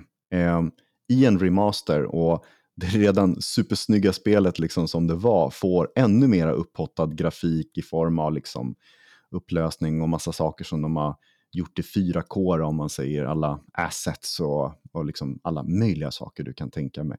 Ja. Men det får eh, upplösningar då, 4K såklart, sen kan du ha performance mode med uppskalad grafik då, från 1440p till 4K. Eh, unlocked frame rate, det är för tv som har VRR-lägen så att det erbjuder en hel del lösningar om man vill ha det snyggt och eh, flytande när man spelar. Alltså att, eh, men inte bara det, utan det kommer ett nytt spelläge också som de kallar No Return. Nu vet inte jag hur det ser ut, jag tittar inte så mycket så, jag vet inte om man fick se. De skulle förklara mer senare innan det här släpps, då, vilket kommer eh, information snart. Ja. Eh, men det är ett roguelike survival-läge där man får i princip under så slumpmässiga motstånd och äventyr, så man får man får ta sig an liksom spelet på ett mera eh, annorlunda sätt. Ah, okay. och eh, då får man också spela med lite nya karaktärer och eh, gamla andra som har funnits med i spelet. Då. Och alla har olika, vad ska man säga, skills eller stilar så att man kan spela på lite olika sätt som passar en själv. Då. Så att det blir ett nytt sätt att ta sig an spelet på, fast inte själva storyn. Då utan lite mera vid sidan om. Så här. Man kan grinda ungefär och det blir på något sorts något leveling-system. Så, här. så att du går in, spelar och så ser du hur långt du klarar och sen så får du fortsätta nästa gång och då börjar du om. Men då har du väl troligtvis låst upp lite saker med dina nya skills och nya gubbar då, som du har eh, ja, fått välja mellan. Då. Men, men den här kan ju köpas då separat, den här remasterversionen. Eller så kan man uppgradera från den befintliga PS4-versionen om man har Aha, den. Då. Okay. Eh, 10 dollar, eller 100, 100 spänn då, kan man väl säga. Så, det var ju ja, just, man, eller? man fick ju massa annat lullull också med lite kosmetika och lite sådana saker. Så att det var ett hyfsat paket och det är ju bättre än att de säljer det för bara 60-70 dollar. Liksom sådär. Det är ju inte bara den nya versionen som man det var, behöver. Det var det jag trodde på. att de skulle göra. Mm. Men det är så det pass nytt då, så att folk känner väl att de precis har köpt det för 600-700 kronor och så vill släppa en ny version med nya spellägen. Ja. ja. Vi får se. Det här kändes ju som att de har suttit på det här och sen när det här uh, Last of Us Factions, det här um, um, vad, ska jag säga, PVP-spelläget som lades lite på is där när Bungie var inne och sa app, app, app, app, app. nu måste de släppa det här i alla fall. Alltså, det kommer den 19 januari så det blir lite mellanting. Så här, Jaha, nu hoppar det här in som första spel som Playstation släpper då, nästa ja. år. Men, Men äh, jättecoolt. Jag har det inplastat fortfarande. PS4-versionen. Jag tänkte fråga dig, har du, har du The Last of Us 2? Okej, okay, ja. ja. det har du, men då föll frågan, har du spelat det? Nej, Nej. inplastat. men eh, vad fan, då har du ju ett gyllene läge nu i januari. Ja, precis. Det blir ju som en, eh, okej, okay, 100 spänn så får jag spela den bästa versionen om man säger. Ja, um, vilket... dumt, dumt att börja nu då. Ja, nu vill jag inte öppna det, precis. Nej, Nej det, blir, det blir en julklapp för mig sen nästa år om man säger. Ja, jag har ju inte spelat, eh, eller jag har spelat typ en timme eller två av det första Last of Us. Eh, mm. Ja, inte riktigt mitt typ av spel, men jag fattar ändå att det är ett, ett, eh, storspel och folk ser fram emot det och så vidare. Mm. Det jag tänker på med den här eh, roguelike survival-läget, Mm. det är väl, och rätta mig om jag har fel, men The Last of Us är väl väldigt så här story-tungt va? Ja, absolut. Att det är väldigt så här äh, gripande story och ja, karaktärsbyggande och så vidare. Mm. Och det här låter ju som ett spelläge där du inte riktigt har plats för en story. Eller hur? Jag vet inte om det är slumpmässiga delar i storyn som man får spela eller om det är bara, ehm, vad ska man säga, eh, randomize, alltså assets som bara byggs upp och så Ja. får du ta dig an en uppgift eller något sånt där. Ja, för det är lite det jag är Mm. inne på. Då blir det liksom, då tar man bort egentligen den kanske viktigaste beståndsdelen av spelet Mm. och eh, slänger på, liksom, ja, men som du är inne på, själva spelmomenten får istället stå i, stå i fokus här. Så att, ja, det blir Yes. intressant. Nu är inte det huvudspelet i sig, utan ett, eh, ett extra läge, så att, ja, behöver inte fastna där kanske. Men, men jag tyckte det var lite intressant att det var, det var den riktningen man tog på, på, på ett nytt spelläge. Ja. Ja, det kan bli lite spännande. Ja, det kommer ju väcka känslor såklart. Det här är ju ett spel som, när det släpptes så var det ju liksom, åh herregud, internet bara gick upp och ner och bara, Ja. nej, ja, om man, säger, om man vet om vad som händer i det här spelet, vilket kom ut ganska tråkigt nog. ehm, Ja, just det. det, det var uppror. Var någon golfklubba inblandad utan att säga Sluta nu, mycket. jag vill inte höra. Just det, du har inte spelat än. nej. Nej, okej. Ja, jag är spoilad tyvärr. Ja, inte av mig då, utan av någon annan? Nej, inte, inte, golfklubbans skull. Men, Nej. mm, Mm. Den här veckan och Mm. veckans spelsläpp. Vi har ju funnits i ett år plus någon vecka nu, den mm. här podden. Jag tror att det här är den sämsta spelveckan någonsin när det kommer till släpp. Och det är Ja. möjligt att jag kan missa något spel, men jag har verkligen suttit och tittat du vet, på Steam, på IGNs upcoming games, Metacritics upcoming game och liknande. Och jag bara, Ja. nej. Eh, du, jag hade jättesvårt att hitta något att överhuvudtaget eh, berätta. Men tack vare att det finns en svensk koppling så tänkte jag att eh, Wordless blir eh, lägliga att, och, och lämpliga att eh, nämna. Då. Eh, Mhm. Sidoskrollande 2D-spel eh, och Metroidvania-liknande liksom, speldesign eh, på det. ja. Det jag fastnade för väldigt mycket var att det är en väldigt så vacker och så futuristisk och väldigt, väldigt färgglad grafik. Eh, jag får lite känslan, jag vet inte om du har spelat det, men Beat Saber på, Mm. på VR. Ja, men det här klassiska blåa och orangea skenet liksom. Eh, Okej. väldigt, väldigt mycket sånt i, i det här spelet. Då. Mm. Och, och det ser ut att gå ganska snabbt liksom, så här, fram tills att det blir strider. Då blir de så här, turordningsbaserade, konstigt nog. Eh, jätteintressant spel. Jag kommer kolla in det lite närmare. Ja. Eh, det släpps nu den 21 november då, på tisdag. Eh, Mm. Och svenskkopplingen det är att det ges ut av svenska Thunderful, den här Mm. Göteborgsföretaget. Då. Coolt. Som, som, som släpper en del sådana här lite, lite mindre men rätt så kvalitativa spel. Så li, Mm. lite intressant att se om jag kan få till en eh, liten intervju med dem. Eh, kanske inte Oh. just om Wordless utan generellt då. Eh, Ja. det, jag, det är inte ofta man signar upp sig på nyhetsbrev. Jag vet inte hur du gör, men jag försöker hålla mig borta från att ange mina e-postadresser överallt, för vill hålla ner antalet mejl. Men Thunderful är deras eh, utskick läser jag varenda en och Jaha. väldigt oj. intresse- intresserad av deras spel. Ja, jag är dålig på att hålla koll på deras grejer. Ja. Så att jag gillar den här loggan. Det är ju så här moln med en blixt. Eh, Det är någonting som, som tilltalar mig just Thunderful. Mm. Eh, Wordless här släpps på alla plattformar. Så Playstation, eh, Xbox, även de äldre generationerna då. Eh, PC och eh, Nintendo Switch. Coolt. Mm. Sen som sagt, jag letade ganska djupt efter spelsläpp, men ett som jag tyckte var lite speciellt, eh, eventuellt kommer köpa själv här, det är ju eh, Jurassic Park Classic Games Collection. Ooh. Och det här är en, ja, som det låter, ett, en samling spel. Tyvärr inte så jättemånga, men tre stycken spel. Eh, och alla de här har funnits på typ NES, Game Boy, Super Nintendo och eh, Mega Drive. Mm. Eh, de skrev Genesis, visst är det Mega Drive? I, Ja. i, på svenska. ja, precis. Ja, vi har ett annat namn. Ja, precis. ja, Genesis var i USA va? och Mega Drive i Europa. Ja, exakt. Det är, man man Japan blandar då? alltid ihop dem där. Vad sa du? Japan då? Oj. Ja. Nå något japanskt. hemläxa till nästa avsnitt. Mm -hmm. eh, men spelen som ingår då är Jurassic Park, bara rätt och slätt. Eh, mm.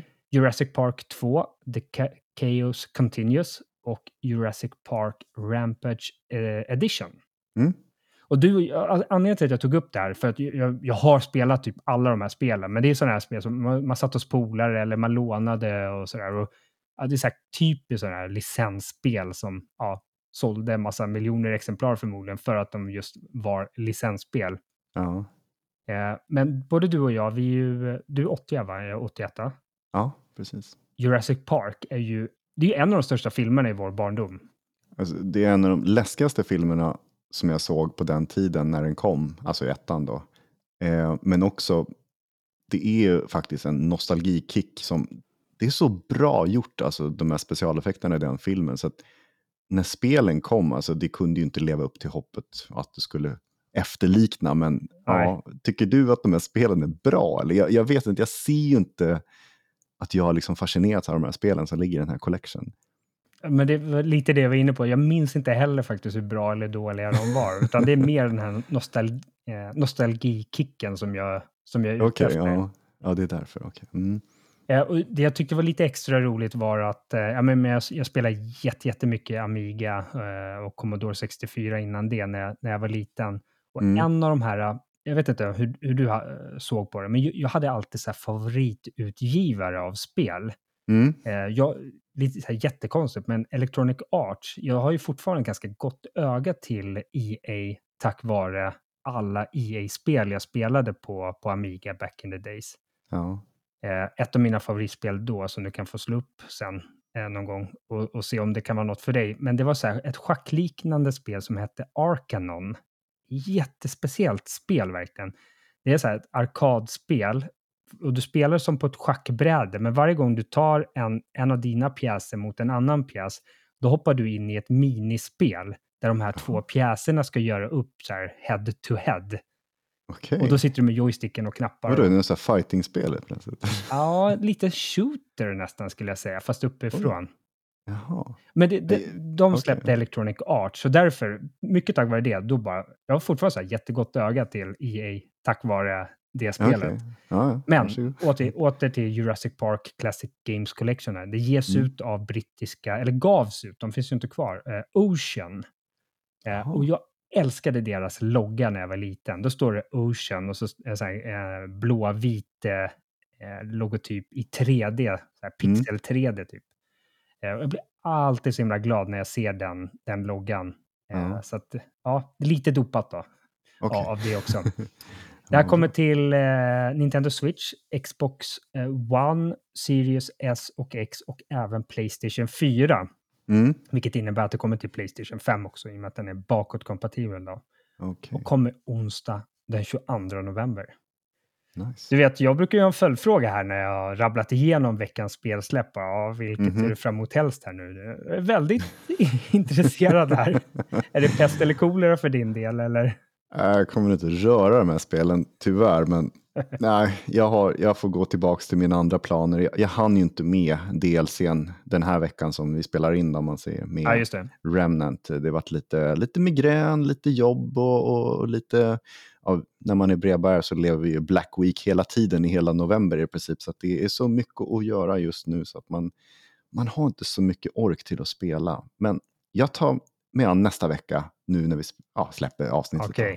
Eh, plus att jag ska, jag ska ju eh, forska lite på vad jag ska köpa för någonting på Black Friday och hela veckan. Om man säger. Ja, Vad ska du själv spela eller göra? På Playstation Plus, jag har ju hoppat ner till minsta paketet, eh, Essential, så jag gick mm. igenom de här spelen som ingår nu. Det var Mafia Definitive Edition 2, va? Mm. Men då var det också Alien Fire Team Elite. Just det, co-op-spelet.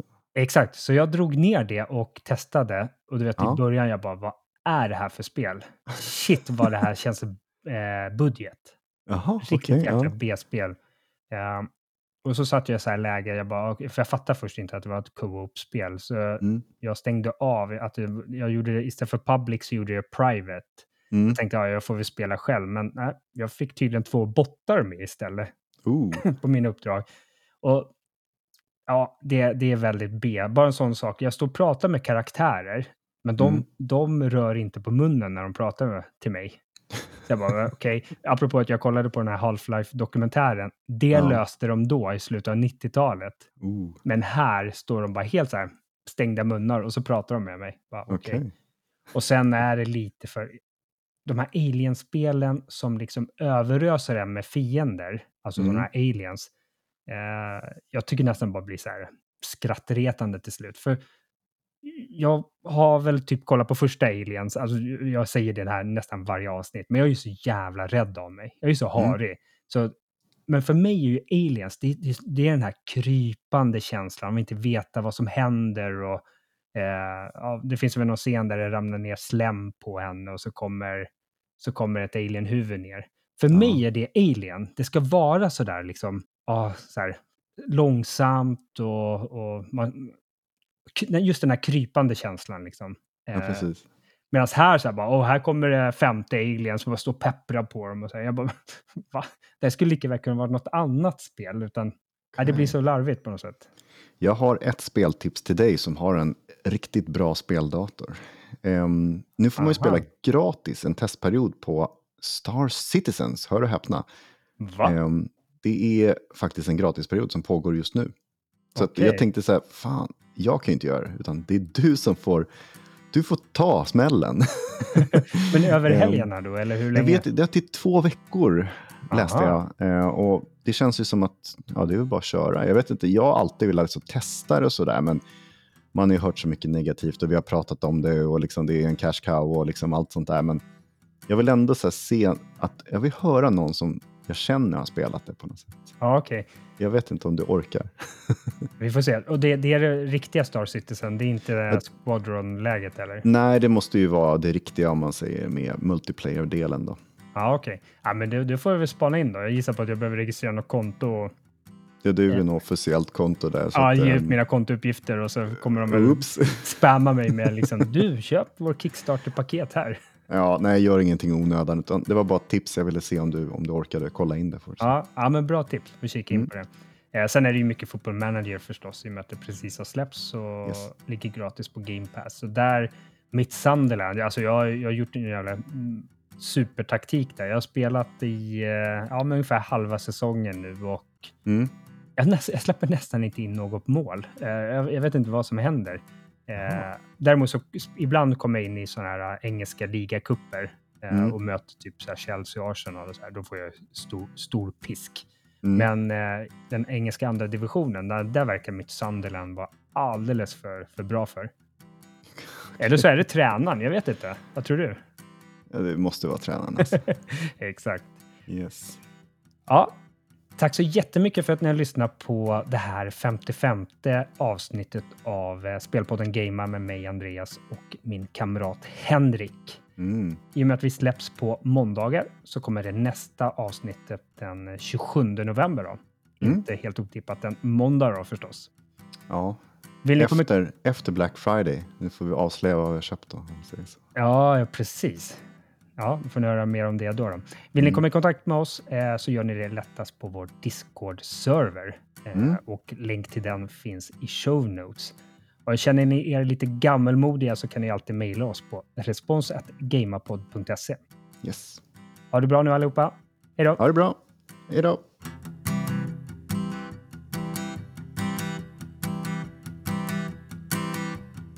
She came from Greece, he had a thirst for knowledge She studied sculpture at St. Martin's College. That's where I caught her eye. She told me that her dad was loaded. I said, in that case, have her own Coca Cola. She said, fine. And then in 30 seconds' time, she said, I wanna live like common people. I wanna do whatever common people do. I wanna sleep with common people. I wanna sleep with common people like you. And what else could I do? I said, Well, I'll see what I can do.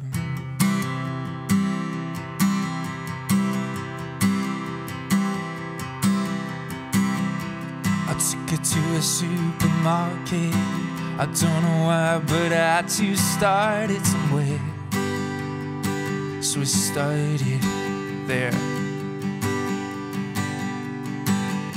I said, pretend you got no money. And she just laughed and said, "You're so funny. I said, Yeah. But I don't see anyone now smiling in here.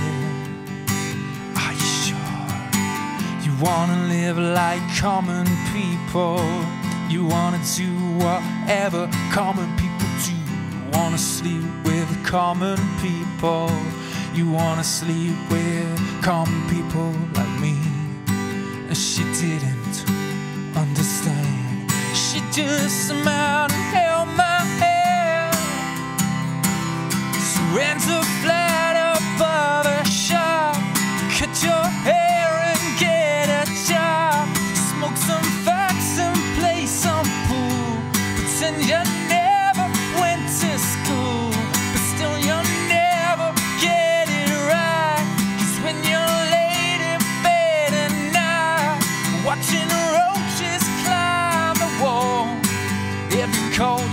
тебя